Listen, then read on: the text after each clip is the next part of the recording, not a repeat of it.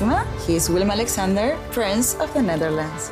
How did an Argentinian lady end up on Wall Street? That's a long story. Well, I have time. Mama, Oh, het is Maxima. ik heb er nog nooit zo verliefd gezien.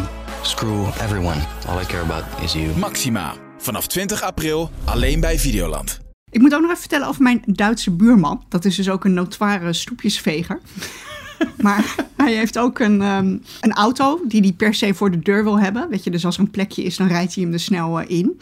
En toen het sneeuwde, ging hij om het uur zijn auto schoonvegen met een speciaal sneeuwborsteltje. En daarna ging hij weer gewoon naar binnen. Dat is niet hij ging rijden verder. Heb je hem nog gevraagd of hij jouw straatje in je auto ook even wil doen? Ja, nee, maar ik zie hem eigenlijk, wij hebben zeg maar niet alles altijd op orde. En dan, hij kijkt dan wel echt bozig. Dus Ik, soms... ik, ik zie nu echt zo voor me dat jullie zeg maar het gezin Flodder zijn, familie Flodder, met naast jullie zo van die hele nette buren. En dat zeg maar, jij zegt nu haha, hij veegt zijn auto schoon, maar intussen ligt bij jullie zo de hele voortuin vol met autobanden en ontplofte barbecues. En Wij hebben inderdaad wel een winkelwagentje nu in de tuin staan. Dus ik, eh, ik herken me een beetje in dit eh, geschetste beeld. het, op een gegeven moment, na een bepaalde leeftijd, is het niet meer cool om lege kratten bier in je tuin te hebben. Ik Debbie. weet dat is even ja. leuk. Ah, het zijn wel goede reservestoeltjes.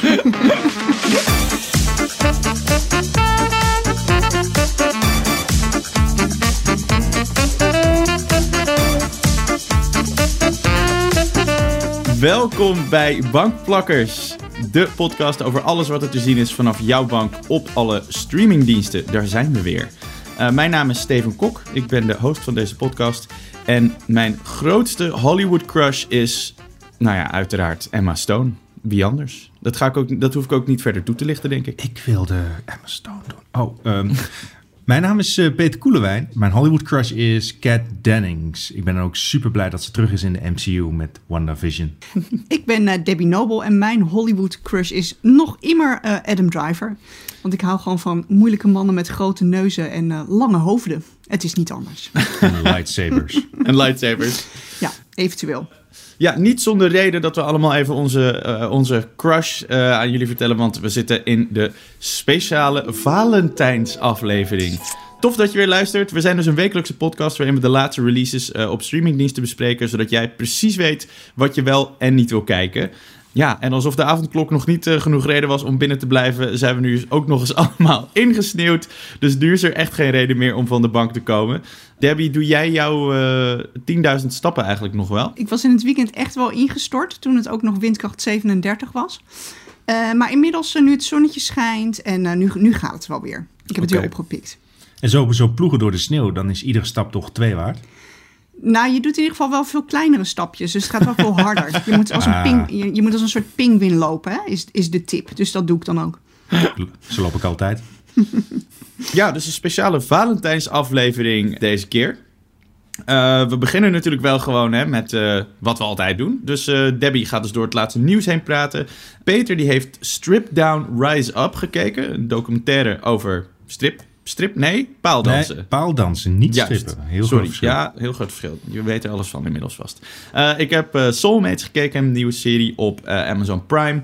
Debbie heeft Firefly Lane gekeken, een nieuwe Netflix knaller van een serie, geloof ik. Of in ieder geval qua populariteit echt gigantisch nu. En ehm, we gaan het nog heel even hebben over WandaVision. Want we waren een paar afleveringen geleden waar we natuurlijk een beetje afwachtend, of nog een beetje kritisch, maar inmiddels zijn we een paar afleveringen verder.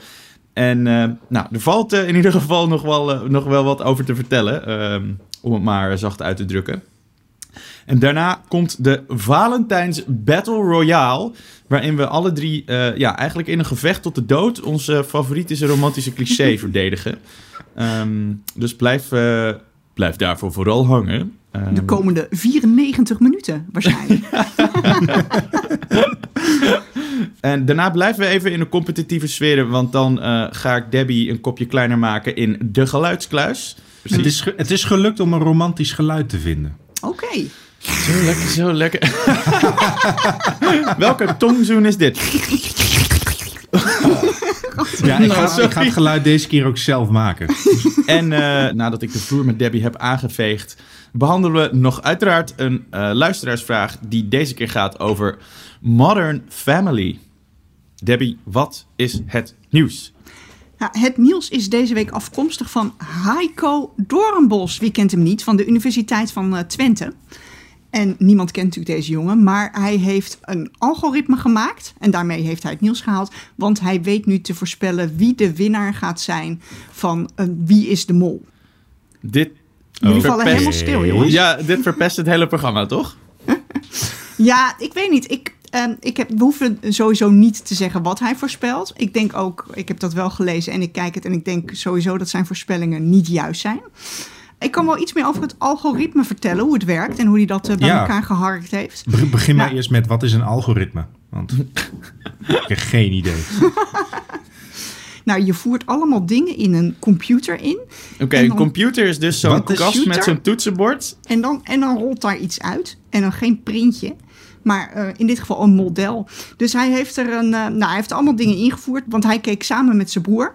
En eh, hij dacht steeds van, nou, ik weet nu al wie de mol is. En hij had het steeds fout.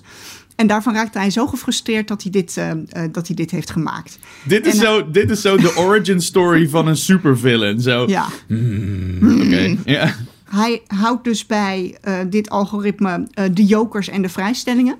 Want die zet de mol gemiddeld veel minder vaak in. Eh, het algoritme houdt bij hoe vaak spelers in beeld komen. Want de mol blijkt namelijk significant minder in beeld te komen tijdens de eerste vijf afleveringen. Hij plukt eigenschappen van Wikipedia. Ik weet niet precies hoe dat gaat. Eh, hoe dan eh, een splinter Chabot getypeerd staat op Wikipedia en hoe je daar de mol dan uithaalt. Slinks. ik, ik, ik weet niet. Geen idee. Eh, social eh, media aanwezigheid weegt hij mee. Dus als jij even verdween van social media, zoals gebeurt als jij natuurlijk opnames in eh, Tsjechië hebt. Maar je was er na, na een, een paar dagen alweer, dan is dat natuurlijk verdacht, want dan was jij er heel snel uit. ja. Moet ik wel vertellen welke twee kanshebbers Nee. dit keer uit het model kwamen? Nee, het lijkt me niks. Oh, het model. Ik dacht, wat Ja. spreek jij model raar uit? Maar nu, ik begrijp... Ik ben vooral heel erg blij voor de, voor de makers van Wie is de Mol. Want die lezen al deze details en die denken nu van... Mooi, dit gaan we dus nooit meer zo Ja, doen. precies. Ja, het is, eh, precies. het- het- ze zouden zelf nog de, de laatste afleveringen even kunnen anders editen om dit nog te Precies. voorkomen. Ja, zou- ah ja, ja. dus het, is, het zou eigenlijk ook best wel een goede ontwikkeling kunnen zijn voor, hè, om de makers een beetje op hun tenen te houden ook.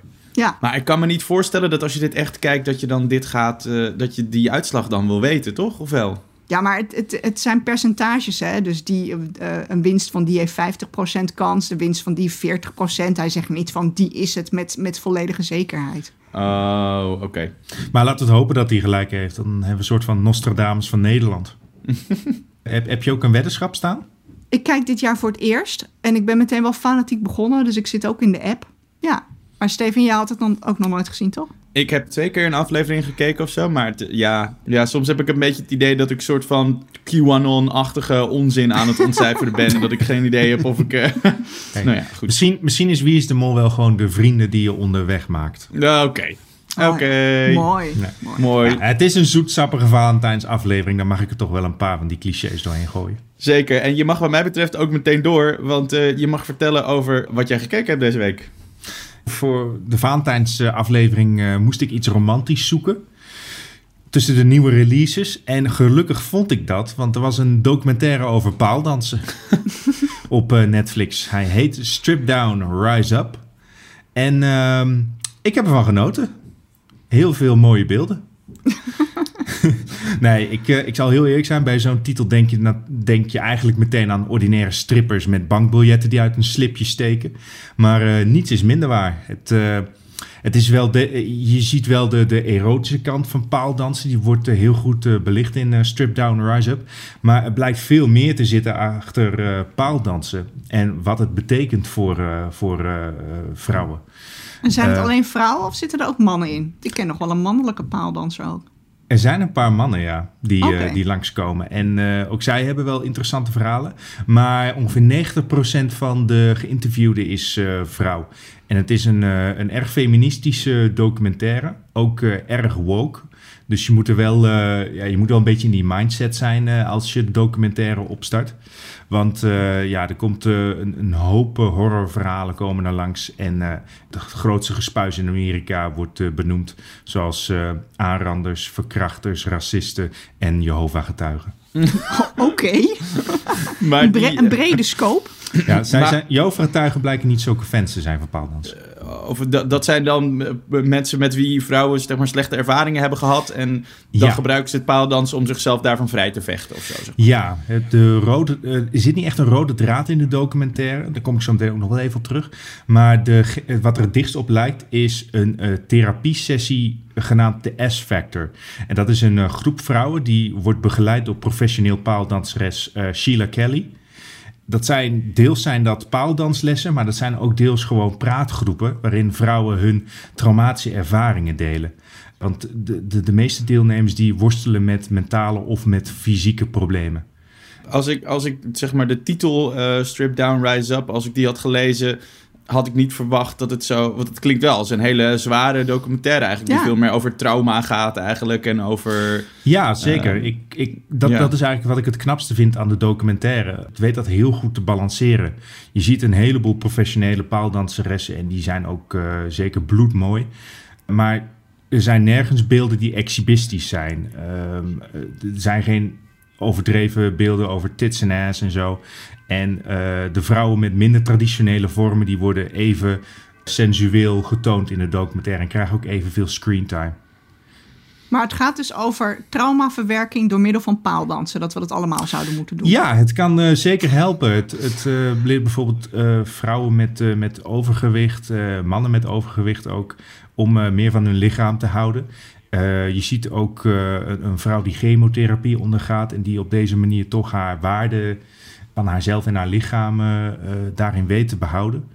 Dus het zijn heel veel interessante verhalen. Ehm, als ik, als ik een, een minpunt moet noemen, dan is het dat het te veel verhalen zijn. Het is nogal chaotisch gemonteerd.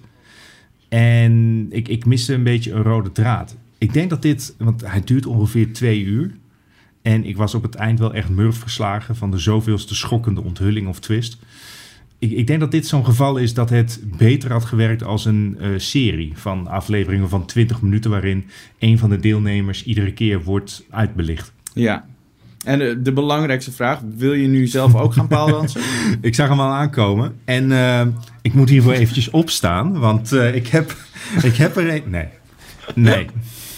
De luisteraar thuis kunnen dit niet zien, maar Pe- Peter... Oh, wow, Ja. Peter. Wow, Wauw. het gaat goed. vertellen, Ja. massief Huh? goud Hey. ook nog.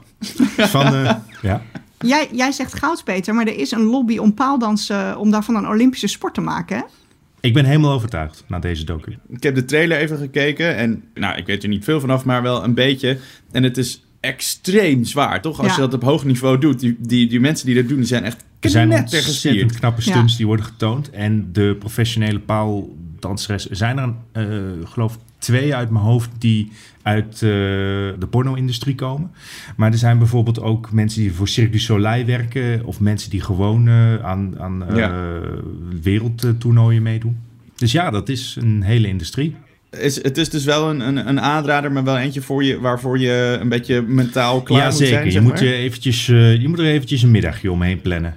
En eh, Ja. de, de montage is wat chaotisch. Dus, maar het is, het is een van de betere Netflix-documentaires. Aan zich niet een hoofdvlieger. Maar wel een aanrader.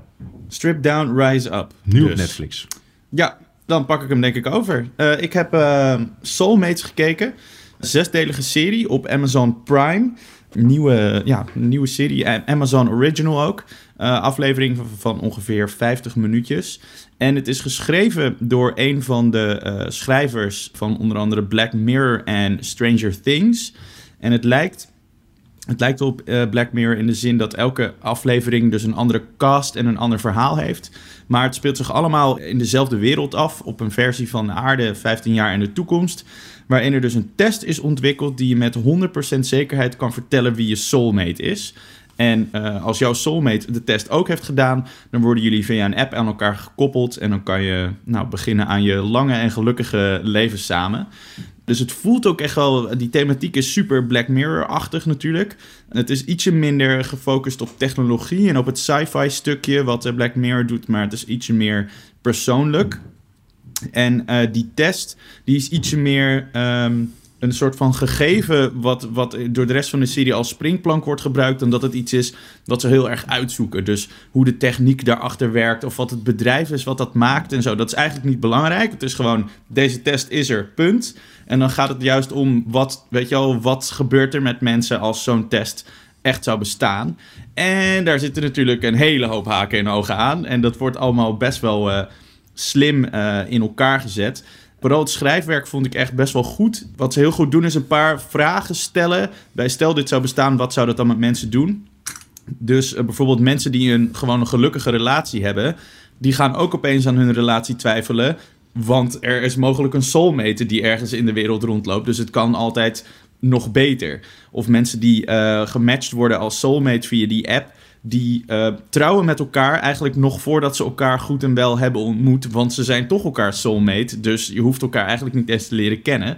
En heb je er één op de wereld? Ja, je hebt er één. Dat is uh, in ieder geval... Complete ja. nonsens. Maar goed. ja. ga, ga, verder, Steven. um, en nou, een, een, van de vragen die ik, die, uh, ik heel interessant vond... die in één aflevering werd uitgewerkt... is stel, je hebt een soulmate... en je wordt aan die persoon gematcht... maar het blijkt dat die persoon al dood is. Dus één, er is één aflevering en die jongen wordt gematcht als een soulmate... maar het blijkt dat zij al is overleden... En vanaf daar gaat het er dus over wat gebeurt er met een mens als je weet dat je een soulmate had, maar die is al dood, dus je kan nooit meer die diegene als, ontmoeten. het begin van Frankenstein. ja, nou, dat, dat wordt een best wel intense aflevering en dan komen er sectes bij en bla bla bla. Nou ja, het, het gaat echt best wel, uh, best wel alle kanten op. En de afleveringen verschillen dus ook heel erg qua stijl en uh, thema. Dus de ene aflevering heeft dan inderdaad een stukje over een, een, secte. En de andere aflevering is dan weer een soort van wat lichtvoetigere aflevering die over een polyamoreus stel gaat. Dus het gaat een beetje alle kanten op. En daardoor is het ook niet per se gegarandeerd dat je elke aflevering net zo leuk vindt. Maar ze, als de ze durven vorige. dus wel van genre um, ook echt te wisselen per aflevering. Ja, het blijft wel een beetje zo dat Black Mirror-achtige donkere randje, een beetje dystopisch-achtig. Maar er zijn bijvoorbeeld twee afleveringen die eigenlijk ook best wel grappig zijn en die best wel, wel, wel licht verteerbaar zijn. Um, en, de, en wat wel consistent echt best wel goed is, is de cast. Uh, dus er zitten acteurs in uit uh, Stranger Things, uit Suits, uh, Bill Skarsgård van It zit erin. Mm. Nou, er zitten nog een paar bekende acteurs in. Maar en... voelt het als Black Mirror? Ben je daarna verontrust? Wat vaak na uh, het kijken van zo'n Black Mirror aflevering wel het geval is. Ja, een beetje. Het is wel Black Mirror light. Dus okay. het, is, uh, het is wat minder duister. Uh, iets, ietsje minder in dat soort van... oh mijn god, technologie gaat de wereld ja. om zeep helpen... en we kunnen er niks meer aan, aan doen. Er zit geen seks met varkens in of zo.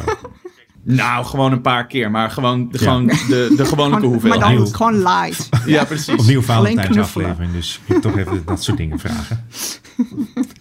Ja, ze hebben, het, en ze hebben het echt wel knap gedaan. Want ze, ze, ze durven echt best wel ver te gaan in, zeg maar, hoe, weet je wel, in hoe diep ze denken dat er gevolgen zouden kunnen zijn voor de wereld als dit bestond. Maar wat Black Mirror wel beter doet, is dat het je meer geeft. Als in, Black Mirror heeft veel meer verschillende thema's en uh, durft ook wat duisterder te worden en wat verontrustender. Terwijl Soulmates in een of twee afleveringen ook best wel messed up wordt, maar toch een beetje op een andere manier. En ik, ik denk me dan, en dat is misschien een beetje de science fiction liefhebber in mij, ik denk meteen, wat is dan dat bedrijf die die test maakt? En hoe werkt die technologie ja. dan? En klopt dat wel? En wat zit daar voor, voor, voor kwaadaardige wat, wat machine een, een achter? Een soort van rode ja. draad door de verhalen heen? Of blijft het echt op zichzelf staande avonturen? Nee, nee het is echt helemaal, helemaal het is los gewoon van elkaar. Evil Corp. Uh, ja. ja, maar ook niet echt, want zij worden eigenlijk helemaal buiten beschouwing gelaten. Daar gaat het niet om. En de, en de premisse, Steven, dat iedereen uh, überhaupt een soulmate zou hebben. Mm -hmm. Ik heb mijn mening daar al lichtelijk over door laten schemeren. Ja. Uh, wat, wat, vind, wat vind jij daar zelf van? Ja, ja dat is bullshit natuurlijk. Ja, nee, en dat leidde jou niet af bij het kijken? Nee, dat kon je nee, van je afzetten? Nee, nee, sterker nog, daarom vond ik het, het idee dat dat wel zou kunnen zijn... daardoor werd het voor mij super science fiction. Omdat okay. ik daar totaal ja. niet in geloof. En daardoor ja. dacht ik, oh, stel nou dat dat wel echt zo zou zijn. En ja, je zou ook kunnen weten ik wie moet, dat uh, is. Ik moet ook gelijk aan The Good Place denken. Daarin worden ze ook uh, constant geflasht daardoor. Ja, ja dit is uh, ja, een iets duisterdere versie. Maar goed, weet je, eigenlijk dat ik, dat ik alleen maar soort van dieper wilde graven in die wereld, spreekt eigenlijk ook alleen maar voor die serie of zo. Want ze, ze zetten wel echt een, ja, ze zetten het wel heel kietelend neer. En ik wilde eigenlijk gewoon liever nog verder de wereld induiken. Dus ik heb, het, eh, ik heb alle zes afleveringen echt best wel uh, verslonden. Dus ik kan het, uh, ik kan het zeker, zeker aanraden. Um, maar ook hiervoor geldt wel, ja, het kan soms wel een beetje duister en niet zo gezellig worden. Dus nou ja, wees daar klaar voor. Dus ja, uh, Soulmates staat nu op uh, Amazon. Dus uh, Black Mirror Light eigenlijk. Debbie, hoe, met hoeveel plezier heb jij Firefly Lane gekeken? Ja, ik, ik zal dit allemaal zo neutraal mogelijk proberen te brengen vanaf het begin. Behalve dan dat ik deze serie onder dwang heb moeten kijken van jou, Steven, omdat ik een vrouw ben. ik word echt als een soort despoot neergezet in deze, in deze podcast. Ja, nou, laat me iets over de serie vertellen. Firefly Lane, tiendelige dramaserie over een vrouwenvriendschap uh, met Catherine Heigl, uh, bekend uit onder andere Grey's Anatomy natuurlijk, en Sarah Chalk, bekend oh, wacht. van kan ik, ja, Scrubs. Ja, kan ik nog mijn uh, antwoord veranderen naar dat zijn mijn crushes, mijn Hollywood crush? Oh, ik was zo verliefd op haar vroeger. Echt? Ja. Raar ben je ook. het is een aantrekkelijke vrouw. Zegt, Deze... zegt Mrs. Driver hier. Ja, ja. Nou, deze twee vrouwen zijn dus echt het klassieke yin en yang stijl. Tully, dat is dus Catherine Heigl, die is het knappe, coole meisje, maar met een heel moeilijke thuissituatie. De andere is Kate, onzeker, ongemakkelijk, beetje nerdy, maar die komt dan uit een stabiel gezin. En tijdens de serie springen we heen en weer tussen drie tijdlijnen. Uh, de meiden zijn tieners in de 70s. Ze zijn jonge tv-journalisten in de 80s. En uh, in 2003, dat is de laatste tijdlijn, zijn ze allebei 43. En uh, in die laatste tijdlijn is Tully een soort Ellen-achtige Oprah Winfrey. Ze is heel beroemd geworden en mega succesvol, maar heel eenzaam. Oh. Ze heeft seks genoeg, allemaal knappe mannen, jonge mannen ook, uh, maar ze durft zichzelf niet vast te leggen. En haar vriendin Kate, die is uh, net vers gescheiden en die gaat uh, sinds lange tijd de arbeidsmarkt weer betreden. Dat is een beetje de uitgangspunt van de serie. Ja, en ik zie op Twitter dus echt hordes vrouwen oprecht hiervan genieten. Uh, Wil Koopman, regisseur van uh, Gooise Vrouwen, die noemde het echt heel erg goed.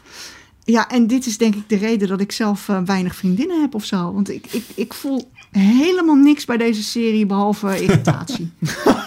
ja. Dit is zo onverbiddelijk ook. Ja, ik, ik, en ik, ik hou best van sommige, ik, hè, van sommige vrouwenseries hou ik best. Ik ben, ik ben echt fan van The Good Wife en The Good Fight. Die hebben een juridisch haakje, maar het zijn toch echt wel vrouwenseries. Die vind ik heerlijk. Ik vind Grace en Frankie op Netflix vind ik ook hartstikke lollig.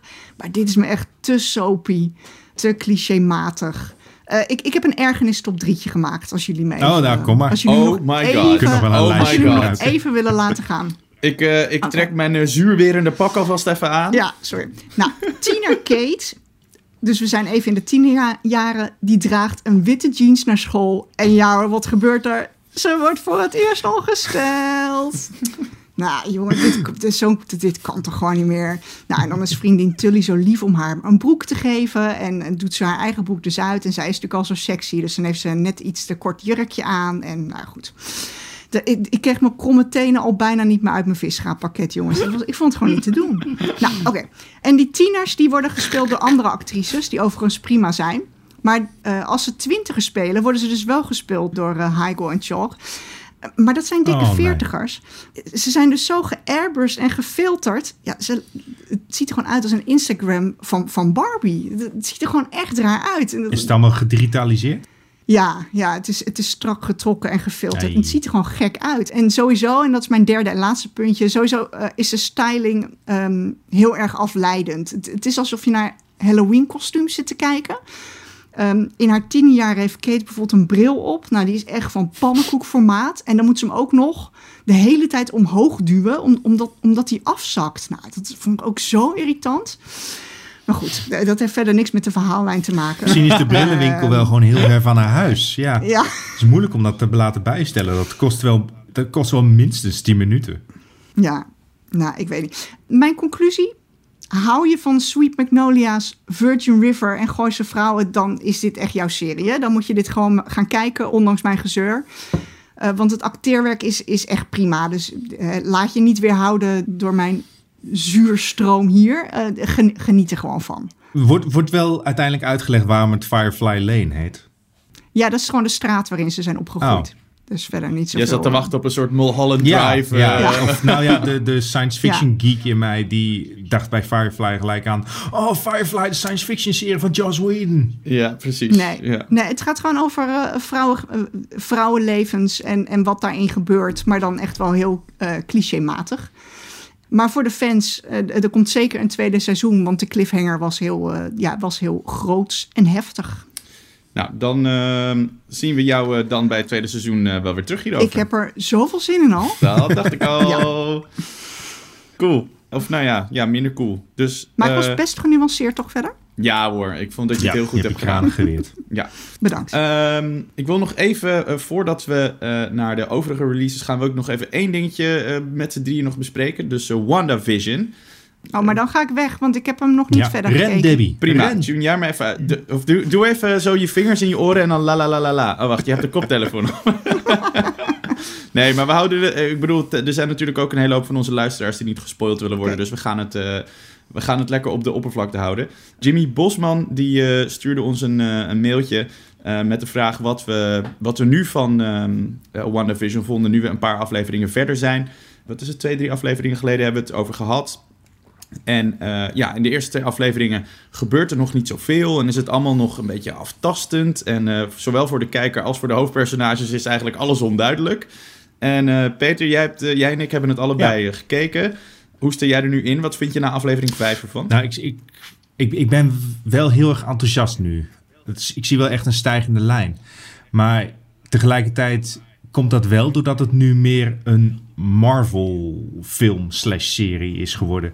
En minder een, eh, een, een, een rare, bizarre eh, science fiction sitcom avontuur. Mashup. Ja, precies.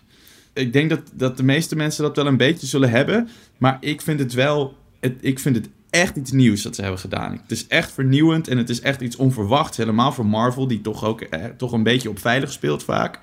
Ik vind wat ze hier hebben gedaan, vind ik zoveel toffer dan als het gewoon, gewoon hè, dan tussen Ja. aanhalingstekens even, gewoon een superheldenserie was geweest. Ehm, nou hou ik ook heel erg van meta-dingen, eh, weet ik veel, Rick and Morty en Community en zeg maar tv en film over tv en film vind ik ook vaak wel leuk. Voor mij is het echt een vind je, uitbetalen. vind je de- ja, de- ik, blijf erbij dat de eerste twee afleveringen kun je praktisch skippen. Tenzij je echt hardcore Marvel-fan bent en deze personages gewoon iedere seconde wil meemaken. Maar het, het begint pas eigenlijk echt een beetje gang in te komen vanaf aflevering 3. En vanaf, zonder te veel te spoilen, vanaf daar gaan ze een, een verrassende richting in. Dus ja, ik, ik ben wel zeker benieuwd. Ik ga absoluut eh, komende vrijdag weer eh, kijken naar de volgende aflevering.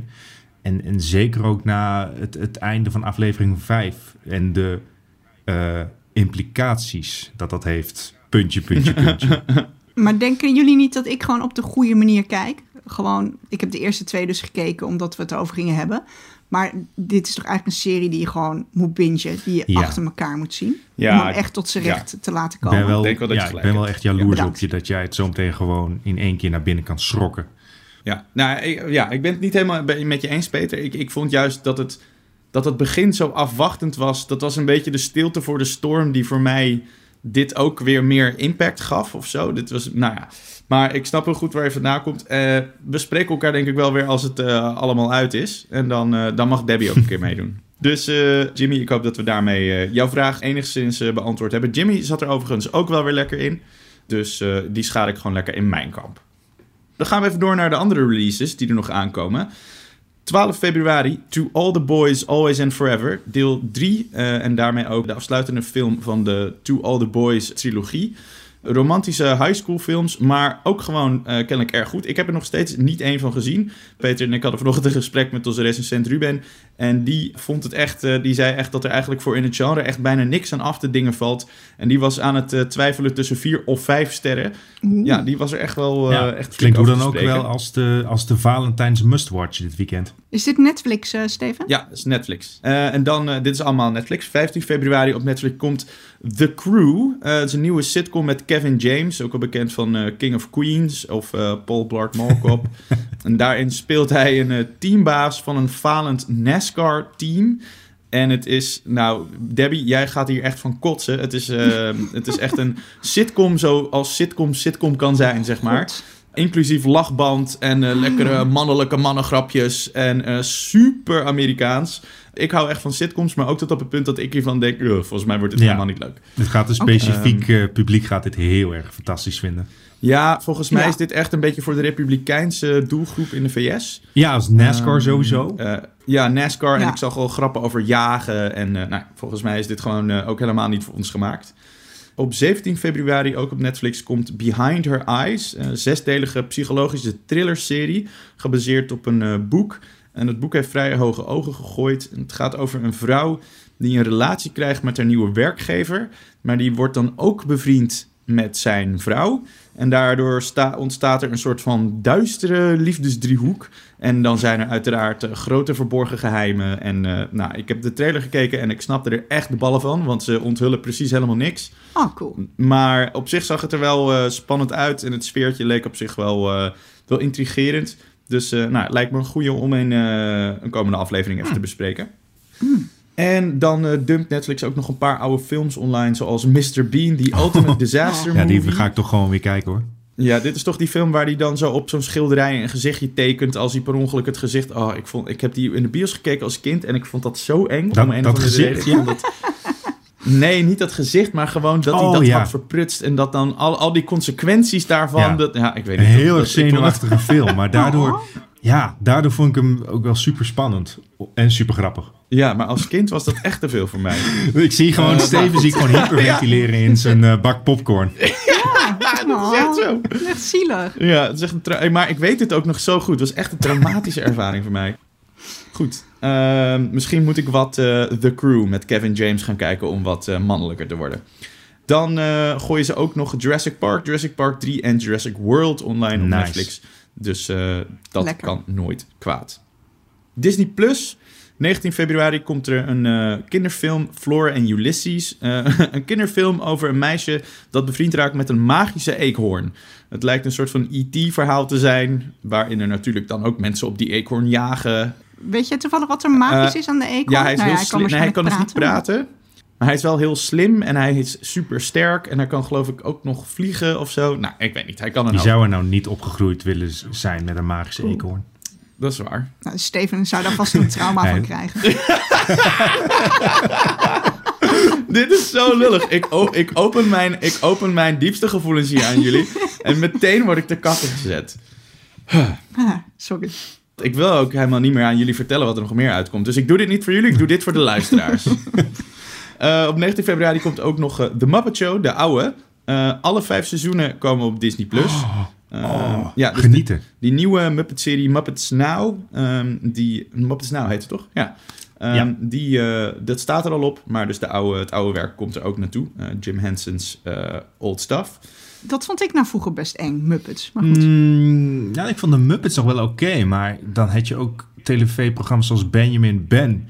Met de engste pop die ooit gemaakt is. En daar heb ik nog steeds nachtmerries van. Ik vind dat heel stom voor jullie en vervelend. En ik hoop dat het nu beter met jullie gaat. Zie je, kijk, zo kan je hier ook mee omgaan. zo kan je dit ook doen. Ehm, en dan op eh, Prime, en dan zijn we er ook doorheen, komt eh, Bliss. Eh, hebben we de vorige aflevering ook al even besproken. Dat is een film met Selma Hayek en Owen Wilson. Ehm, waarin eh, Owen Wilson erachter komt dat hij in een computersimulatie leeft. Nou ja, dat hij moet uitvinden wat de realiteit is en wat niet. Lijkt, eh, lijkt me op zich best tof. Had jij hem nou al gekeken, Peter? Ja, Nee, nog niet. Maar hij staat zeker wel op mijn lijstje. Want het, het hele concept trekt me aan. En het zijn natuurlijk twee eh, ontzettend goede acteurs. Ja, ja. Nou, dat was, eh, dat was de lijst. Dan zijn we aanbeland bij de Valentijns Battle Royale. Zijn jullie eh, klaar voor de strijd, jongens? Zeker. Dus nog even één keer eh, om het. uit te leggen wat we hier gaan doen. We gaan, eh, alle drie hebben we een, eh, een romantisch cliché uit films of series gekozen. En die moeten we verdedigen tegenover de andere twee. eh, om uiteindelijk één ehm, romantisch cliché als eh, winnaar uit de bus te laten komen. En degene die wint, die is voor de rest van zijn leven gelukkig en romantisch. gelukkig. Ja. Krijg je Ja. eens een doos chocola op de 14e? Ja, een doosje merci. Vind ik altijd zo romantisch. Ja. Ik zie ze nu allemaal weer in de supermarkten liggen. Vind ik wel echt een toppunt van romantiek. ja. Nou, ik heb het niet nodig. Ik krijg sowieso genoeg chocola op zondag. Oké. Voelt iemand zich geroepen om te beginnen? Anders ga ik gewoon iemand aanwijzen namelijk. Mijn cliché die ik eh, gevonden heb en waar ik eh, eigenlijk altijd wel van geniet in eh, romantische films. De romantische achtervolging op het eind voordat eh, de grote liefde een vliegtuig eh, pakt of met de verkeerde trouwt. Mm. En dat het dan zo'n zo'n oude pophit op Ja. de achtergrond speelt. Daar, oh, daar kan ik echt van genieten. Oké, waarom is dit de beste? Nou, la- laat ik het zo zeggen. Voor mij werkt een romantische film pas als ik bang ben dat het niet gaat werken. En dit is altijd dat moment met de ultieme spanning van, weet je, gaan ze elkaar wel zien of gaat het wel lukken? En natuurlijk gaat het lukken. Maar Peter- Dat weet je. Ja, precies. ik weet het. Ik heb nog nooit Ja. een romantische film meegemaakt waar het niet lukt uiteindelijk. Dat klopt, maar toch. En als het echt, echt, echt een bagger romantische film is, dan heb je alsnog een, eh, een leuk popmuziekje op de achtergrond dat niet vervelend is. Kan ik even op mijn, tv op mijn telefoon kijken. Maar het is altijd dat geren Ja. op zo'n vliegveld. En, en dat het vliegtuig net ietsje vertraagd is. En de gate, en, oh, de gate is Ja. dicht of toch En dan, niet. Of en dan, toch is iemand, dan heeft iemand Ja. zo net zijn kaartje zo over aan, de, aan de grondstewardess overhandigd. En dan Ja. lopen ze zo twee stappen en dan hoor je zo... Nee, Debbie, nee! En dan draait Debbie zich om en dan kijken ze elkaar even aan. Ja, het is wel een mooi momentje. Maar Ja. het, het is al te laat, want je hebt dan al... Je weet al... Je weet al dat het gaat lukken. Ja, precies. Dus die hele scène die is dan al voor Hebben niets jullie- eigenlijk.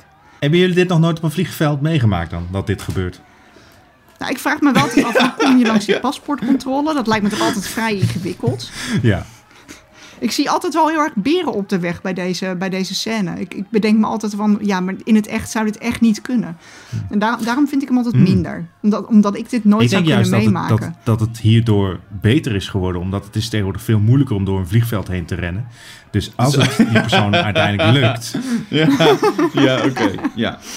Dan moet hij wel drie beveiligers hebben neergeschoten, Exact, ja. denk ja. jij dan? Ik verwacht dan ook voordat de camera wegknipt dat ze even getaserd worden of zo. Oké, laat me vertellen waarom niet deze laatste achtervolging de beste romantische cliché is, maar de meet cute. Meet cute is eh, dus dat moment dat twee, de twee hoofdrolspelers in romantische films elkaar ontmoeten. Dus denk eh, twee eh, hoofdrolspelers die tegen elkaar opbotsen, alles laten vallen en dan op de grond hun spullen oprapen en dan raken hun handen elkaar toevallig aan en dan kijken ze elkaar aan en, en dan weet je dat, hè, dat ze meant to be zijn. Het is ten eerste de allerbeste omdat het het allerbelangrijkste moment in de film is. Omdat het het startpunt is voor alle romantiek die daarna volgt. Dus het draagt alle hoop en al het avontuur wat nog gaat komen. Dat, dat zit in dat kleine momentje. En het heeft alles wat een goede cliché heeft. Namelijk, je weet precies wat je daarna kan verwachten. Namelijk via lange omzwervingen komen ze uiteindelijk bij elkaar. Maar dat is ook precies wat je wil in dat moment. Daarin heeft het misschien wel een beetje overeenkomsten met die van jou, Peter. Maar omdat die van mij helemaal aan het begin zit, heb ik het idee dat er nog... Hè, er zijn grotere omzwervingen en avonturen te beleven. En het maakt ook heel erg duidelijk wat dus de verhoudingen zijn tussen die personages ten opzichte van elkaar. En wie hun persoonlijkheden zijn. Dus het is een soort van establishing ding. Ik heb een heel goed voorbeeldje. Ik ben erg goed voorbereid hierop. Ja, Oké, één voorbeeldje. In eh, How to Lose a Guy in 10 Days, waarin Matthew McConaughey en Kate Hudson, die komen elkaar eh, dus tegen. En die hebben, zij moet eh, binnen 10 dagen moet zij een man verleiden en daarna weer dumpen. En hij moet binnen 10 dagen een vrouw verleiden. En dan is dit de, de meet cute tussen hen. En dit is wat ze dan voor, voor tekst uitwisselen. Zij zegt unattached, zegt hij currently. Dan zegt zij likewise, hij surprising. Zegt zij psycho, hij zo rarely. Interested, zegt zij perhaps. Zegt hij hungry, zegt zij starving. Zegt hij leaving, zegt hij now. I love it. ik haat het. Oké, ik, ik haat het ook. En, en weet je waarom, Steven? Dit gebeurt Nee. gewoon nooit in het echte leven. Het is echt een filmcliché, maar dit, dit gebeurt niet hier op, op het plein. Zei jij, of in zei de- jij niet net Albert Heijn. dat, Dit- dit- Dat, dat niemand ooit zo'n scène op het vliegveld meemaakt? Ja, ook. Dus dan vind ik het geen... Dat zijn film, het filmclichés die nooit... Daarom wordt mijn cliché straks de beste. Komt helemaal... Zal ik maar alvast even zeggen. Want dit, dit zijn pure filmclichés die in het echte leven gewoon... Nee. Die komen gewoon niet voor. Maar sinds, Ik wanneer- geloof sinds er wanneer is realisme een eis voor of iets leuk is om naar te kijken? Ja, maar dit is zo, dit is zo typisch iets dat nooit in het echt gebeurt. Dit is gewoon een cliché. En, en het voorbeeld dat je net noemde is een leuke speling op dat cliché. Maar dan nog moet je dus heel veel romantische comedies hebben gezien om dat te snappen. Het is gewoon niet realistisch. Ja, iemand die rent over een vliegveld, dat zie je altijd. Oké, eh, ik- het is onzin, maar eh, Debbie, ga vooral in gang. Nou, ik, ik heb het cliché ook wat breder getrokken, hè, tot Valentijns cliché. Ik, had, eh, ik heb Just Good Friends, eh, wil ik graag verdedigen. En, en ik heb deze gekozen omdat het A, in heel veel romantische comedies natuurlijk voorkomt. Wat betekent En, dan, eh, Just Good eh, Friends? Als in... Twee, nou, het zijn twee goede vrienden. Gewoon gezellig, vaak al jaren. Ze hebben eh, elkaar door lief en leed gesleept. En dan ineens oh, is er toch meer. Of een van de twee blijkt al 143 Mhm. jaar verliefd op de ander. Die te veel met zichzelf bezig was om dat door te hebben. Dat komt ook nog wel eens voor. Eh, maar, maar dit vind ik een, een filmcliché die ook waarheid heeft in de realiteit. Dit komt gewoon volgens mij redelijk vaak voor. En omdat het herkenbaar is, vind ik Ja, het maar- leuk. Herkenbaarheid is goed, maar... Ik bedoel, je kijkt toch film als uitvlucht niet omdat je een docu wil. Je wilt toch niet... Ja, ik wil wel dat alles in deze film echt precies letterlijk zo in mijn leven ook is gebeurd. Anders dan geloof ik het niet. Dan, dan kan je gewoon je eigen home video's terug gaan kijken, toch? Ja, maar dit, dit is voor mij gewoon het beste Valentijns cliché. Hmm. Ja, ik, Maar nee, dus, ik vind hem gewoon lekker. dus het is dat, dat twee mensen die elkaar... die al lang vrienden zijn, dan toch verkering krijgen. Ja, nou, ik vind het mooi omdat ik niet geloof dat man en vrouw gewoon vrienden kunnen zijn. De- Deze discussie hebben we al eens eerder gehad ja, op de redactie. ik ben het hier Steven, ook fundamenteel mee oneens. Ik geloof dus niet dat man en vrouw vrienden kunnen zijn zonder dat er ooit in ieder geval een momentje heeft Ik plaatsgehad. vind het heel... Maar nu komen we in een andere discussie terecht. Ja, maar ik vind het... Ja, maar ik Ja, moet eerlijk ja, zeggen van... Ja, ik, ik vind het ook wel lastig. Maar ik, ik kan me ook niet inbeelden van eh, relaties uit mijn omgeving... die eerst heel erg lang vrienden waren. Volgens mij bestaat dat gewoon niet. Gaat hier een winnaar uitkomen? Ik ben nog bereid om de chase van Peter... om die een punt te geven... Maar die van Debbie ben ik echt Ik tegen. ben, ik ben toch voor het cliché van Mhm. Peter. Omdat, zoals hij zelf al zegt, op het vliegveld zie je vaak mensen rennen. nou, dat is duidelijk. Oké, Ja. hij, is realist, hij is realistisch. Hij heeft iets van realisme in zich. Oké, prima. Maar ik ga wel vanaf nu keihard mijn best doen... om ergens op kantoor bij ons een keer mijn spullen te laten vallen... waar iemand bij is die ik leuk vind. En dat je dan niks voelt. Zo. Ja. Oké, Peter, gefeliciteerd. I guess. Dank u, dank u. Niet van harte, maar ehm, het is je gegund. Dat wel. De, de, de doos merci komt jouw kant op. Yes, mooi. ik ga vanavond al voor de, voor de postbus zitten. Dan eh, mag jij eh, ook meteen doorpakken, want we gaan naar de geluidskluis. Zullen we hem eh, even open doen? Zeker. Daar gaat hij.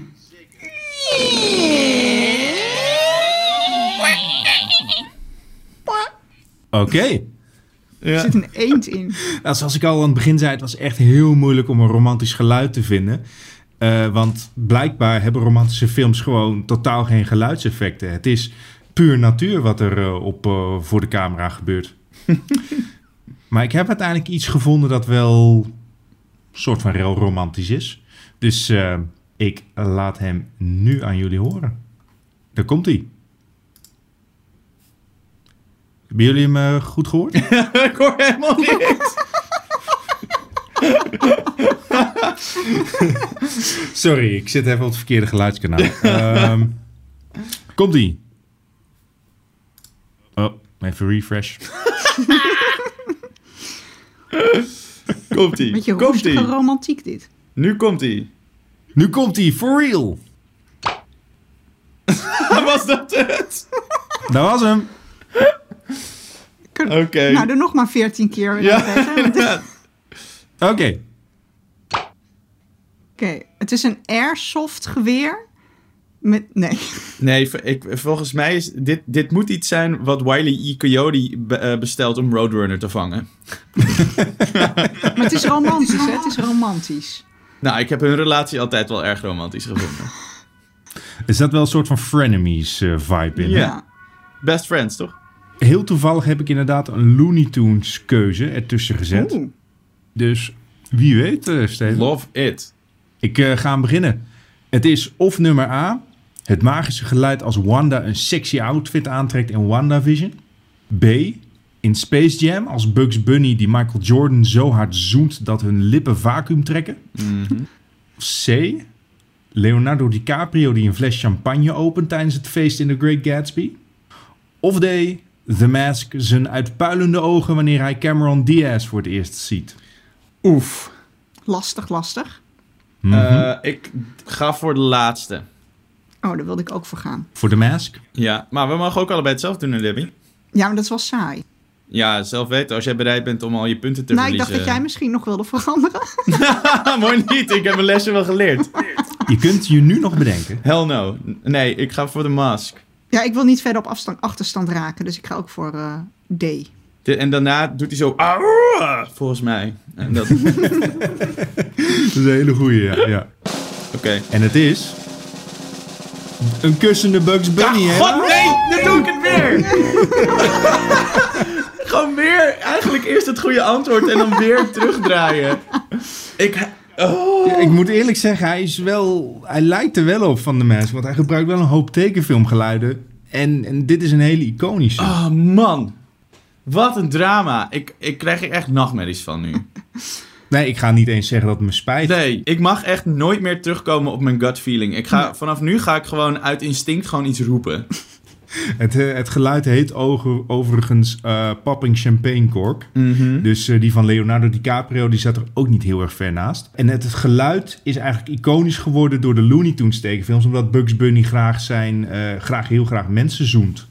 Meestal doet hij dat met Elmer Fudd. Maar in de klassieker Space Jam zoent hij Michael Jordan zo hard dat hun lippen dit geluid maken. Oké. Ja, je Jammer, staat Steven. nog steeds op voorsprong, Steven, Ja, maar het ja. blijft spannend. Ja, we- dit is, we zijn soort van nu de saaiste voetbalwedstrijd ooit. Waar zo de hele tijd niet gescoord wordt. Nou, volgende keer moeten we in ieder geval iets anders zeggen. Dat is ook beter voor het verloop van het spel. Ja, oké. dus Ja. degene die als eerste roept, dan claim je gewoon dat Ja, antwoord. dat- en dan ja. is de andere gewoon de Sjaak. Ja. Oké, nou, lijkt me prima. Eh, oké, top. Tot de volgende keer dan. ja, thanks Nou.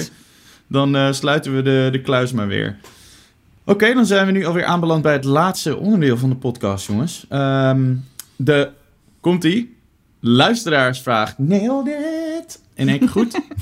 Bravo. Onze luisteraarsvraag, waarin we elke week eh, één, één vraag van eh één van onze luisteraars beantwoorden. Ja, zo simpel is het ook eigenlijk wel. en deze week hebben we een vraag van Sophie Visser. Een best leuke, namelijk met welk personage van Modern Family identificeren jullie je het meest? Ik vond deze vraag echt pittig, maar volgens mij, Debbie, jij had, had je antwoord eigenlijk ik, meteen wist klaar. eigenlijk met- ik wist eigenlijk meteen dat ik, eh, dat ik Jay Pritchett ben. de pater familias. En, en niet zozeer daardoor, maar omdat, hij, ehm, omdat het gewoon een, een levensgenieter is. Vrij lui van aard. eh, die graag met een glaasje whisky eh, en veel rust aan zijn hoofd op de bank zit. Dat vind ik te herkennen. Eh, hij heeft een leuke trophy wife. Nou, dat ambieer ik ook nog wel ergens in mijn leven. En eh, een dierenvriend uiteraard met zijn hond. Maar ook dat hij, ehm, eh, dat hij Stinkend niet zo rijk is. stinkend rijk, net als ik. En dat hij niet zo goed zijn gevoelens kan uiten, misschien. Of dat hij vrij een hard exterieur heeft, maar eigenlijk een heel klein hartje. Wat soms ook duidelijk naar voren komt. Een Nee, ik, ik zachtgekookt ben ei gewoon is. Jay. Ja. Ik vind, ik, Jay is wel echt een van mijn favoriete personages in de serie, dus Ja, ja. hij is wel een... En jij is- bent ook een van mijn favoriete personages in deze podcast. Dus dit is wel. Nou, zie je? Ja. Oh, wat een liefdevolle uitzending dit. Hij is wel altijd wel... Hij, hij blijft wel een enorme softie. En ik herken ook uit mijn directe kring ook een hele hoop personen die precies zoals Jay zijn. Ja, is, eh, is, eh, is jouw dorp eh, vol met eh, Jays? Zeker, dus vol met mensen die hun eh, gevoelens niet kunnen uitdrukken. maar die, die, ik, die ik toch onmogelijk kan haten daarom. Weet je? Ik heb toch een zwak voor ze. Maar wie ben jij, eh, Peter? Oh, ik, eh, ik had ook heel gauw mijn keuze. Ik, eh, ik ben jouw zoon, Manny. Ah, nou, niet echt de zoon, hè? Eh cadeauzoon. want je houdt van pantomime. Ehm, nou, ik, ik, eh, ik heb wel eens eens een onzichtbare muur weggedrukt. Ja. nou, het zijn, het zijn eh, om, om meerdere dingen, maar onder andere ook omdat hij zo eigenzinnig is, wat ik, wat ik zelf altijd ook ben geweest. Maar hij is, eh, hij is ook eh, aan de forse kant en dat ben ik eigenlijk ook altijd geweest. Dus dat schept automatisch al een band voor mij. En ik herinner me ook dat ik op, op zijn leeftijd, dat ik me ook altijd veel volwassener probeerde te doen dan ik was. En daar spectaculair in faalde. En, maar ben je ook zo romantisch? Met van die grootse gebaren? Ja, wanneer ga jij, eh, ga jij gedichten voor ons voordragen? Dat is, Ja. dat is nou net het, het enige. Hij, heeft, hij is wat moediger dan ik. Maar ik heb ook zeker een poëtische ziel. Ik heb het alleen gestopt in slechte films eh afbranden. En In het bespreken gewoon- van de kapsels van Nicolas Cage. Precies. Ja, inderdaad. Daar kan ik heel poëtisch over zijn. Maar hij, hij doet dat inderdaad door echte liefde te vinden. Ik hoop dat ik ooit zo moedig kan zijn als Manny. Maar, maar, denkt- Steven, waarom vond jij dit moeilijk eigenlijk? Nou, om de, ik, ik vind het dus altijd best wel moeilijk. Want ik heb, als ik een soort van een personage moet aanwijzen wat ik ergens mee ben, dan kan ik dat nooit zo goed. En andere mensen kunnen dat bij mij ook nooit zo goed. Want kennelijk ben ik gewoon een soort van gezichtloos niemand iemand. Maar, dat vind ik, maar ik, ik heb jou echt meteen geduid gewoon. Ik vind het echt ja, heel want, simpel. ja, want ik gooide dat in de app en ik zei, ik vind dit echt heel moeilijk. En toen zei jij, jij wil graag veel zijn, maar je bent gewoon Alex. Ja, precies. Nou, oké, maar toen, dus ik ben daar ben ik een beetje, daar ben ik een beetje op afgegaan. Het eerste wel wat ik meteen dacht is, ik ben veel, die is leuk. Ja. En toen, eh, wat, wel, wat ik wel met veel overeen heb, is dat eh, veel, mega veel hobby's heeft. En dat heb ik ook. Eh, ook hobby's die hij dan opeens maar gewoon drie weken doet en die hij daarna helemaal vergeet. Dus ik ben eigenlijk uit mijn vorige huis naar mijn huidige huis verhuisd, omdat er niet genoeg ruimte was voor mijn hobby's. iets, wat nog steeds, eh, eh, iets waar nog steeds eh, mijn vrienden me onbelachelijk maken. Dus terecht. Maar toen bedacht ik me wel dat ik totaal niet zorgeloos genoeg ben om, eh, om veel te zijn. Want veel die doet altijd maar wat. En dan ben ik inderdaad toch ook wel misschien een beetje Mitchell of Alex om, om dingen een beetje in goede banen te hebben willen Nou, en, en je, lopen. bent, en je bent natuurlijk heel slim. Extreem. Net, net als Ja. Alex. Je bent heel politiek correct. Dat net is als wel Alex. waar, ja. Dus Ja. ik, nee, ik, Ja. ik zag dat gewoon meteen bij jou. Ja. Ik moest, ik moest eerlijk zeggen, ik vond het eerst op, opmerkelijk dat je dat deed, Debbie. Maar ik kan het nu ook wel zien. Ja, ik, ben wel, Ja. ik ben wel heel Ja. blij dat jij, dat jij mij beter kan duiden eh, dan ik. Ik ben hier heel goed in. Misschien moeten we hier gewoon een oproep eh, voor, voor doen. Dat ik iedereen gewoon in een hokje, in een personage duw. Dat vind ik wel. Oh ja, ja. Dus hoe gaan we, welke personage Ja, gaan dus, we dus inderdaad, wil, wil- precies. Wil jij, je in een, eh, wil jij je als een personage in een hokje laten duwen? Stuur dan een foto van je paspoort en, eh, naar uh, bankplakkers.gmail.com. En dan eh, laten we onze, onze Debbie daar weer even Ja. op los. Dan eh, is de aflevering alweer ten einde, jongens. Ah, Ah, ik, Hmm. eh, ik heb wel echt zin nu ook om even een romkommetje te kijken. Gaan jullie met Valentijnsdag iets doen? Of vinden jullie dat helemaal, helemaal kak? Jij gaat zeker niks doen, Debbie. Nee, ik doe daar echt, ik doe daar echt niks aan. En, Nee. en dat komt niet door, alleen door mijn zure inborst, maar mijn omgeving en geliefdes, die, eh, die hebben zo mogelijk nog een grotere hekel aan Valentijn dan ik. Ik heb nog nooit één kaart gehad. Ehm, dus eh, Hmm. ik zie, toen, ik toen zie, ik gewoon, een, eh, het is ik gewoon zie een trauma. Ja, daarom. Dus, en Ja. toen, en toen heb ik op een gegeven moment gewoon besloten dat ik het allemaal heel stom en commerciële nonsens vind. En eh, daar blijf ik gewoon bij. Kijk, zie je, we zijn wel ergens tot een kern, een kern aan het komen nu. Ja, eh. ja. Eh, ik, eh, ik, ik geef eerlijk toe, ik heb ook een hekel aan Valentijnsdag. Want ik moet dus gewoon het raam eigenlijk meerdere uren open laten staan... zodat de postbode met zijn pallet, met een hijskraan... al die brieven en chocola in mijn kamer kan zetten. En dat gaat gewoon de hele dag door. Kort, en met dit weer, weet je, ik ga me gewoon helemaal kapot vriezen op 14 Ja, en, en februari. dan krijg je al dat eetbare ondergoed op, hè? Op een gegeven moment zit je daar gewoon vol van. Ja, je hebt bij het ontbijt, tijdens de lunch, tijdens het avondeten. Op brood, in de soep. Ja, kijk, zo'n tandartsrekening. Nee, ik, eh, ik heb er eigenlijk ook niks mee. Maar ik heb dan toch wel een beetje dat ik denk van... Ja, als ik dan toch, als eh, mijn vriendin en ik dan toch allebei thuis zitten... dan kunnen we ook wel gewoon even, weet je wel, je iets een lekkers te doosje eten. merci opentrekken. Ja. merci dat jij er bent. Eh, en trouwens, merci dat jullie er weer waren, eh, luisteraartjes. Wow, dat was een goed bruggetje. Holy Prachtig. shit. Ja, echt super tof ook om te zien dat we steeds meer eh, luisteraars krijgen. En dat er mensen zijn die vanaf de eerste aflevering bij ons zijn gebleven. We, we beloven dat we niet eh, elke aflevering zo, eh, zo zoetsappig zullen worden als deze. Maar eh, hè, af en toe mag dat best even. Mocht je nou nog een vraag hebben of eh, je, je persoonlijkheid willen laten beoordelen door Debbie, eh, dat kan. Stuur dan even een eh, oproepje via eh, Instagram of de Facebook van Superguide. Of trouwens de Instagram van Bankplakkers, die nu ook bestaat. Het Bankplakkers is het gewoon. Eh, of stuur even een mailtje naar eh, bankplakkers.gmail.com. Eh, vergeet niet te abonneren, eh, like en subscribe en al die dingen die mensen altijd zeggen. Eh, dat helpt ons. En eh, goede recensies, vijf sterretjes eh, zijn eh, voor ons ook altijd erg fijn. En natuurlijk eh, vertellen aan je vrienden dat je naar ons luistert. En eh, hoe eh, verschrikkelijk dom je Debbie's eh, romantische cliché vond. Kan je bijvoorbeeld ook aan ze vertellen. Zijn jullie klaar voor de ongemakkelijke quote om de aflevering af te sluiten? Oh nee. Falling down is how we grow. Staying down is how we die. Van Gladiator. Romantisch. Ja, Ja, romantisch. echt. Er zitten wel rozenblaadjes in, maar verder dan dat kom ik ook niet. Hartelijk bedankt weer voor het luisteren en tot de volgende. Doei!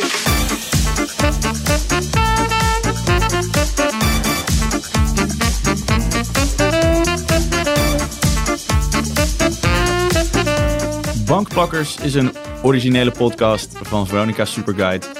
Mijn naam is Steven Kok en mijn gasten zijn elke week Debbie Nobel en Peter Koelewijn. En onze editing wordt gedaan door Art Kok. Bedankt voor het luisteren en tot de volgende!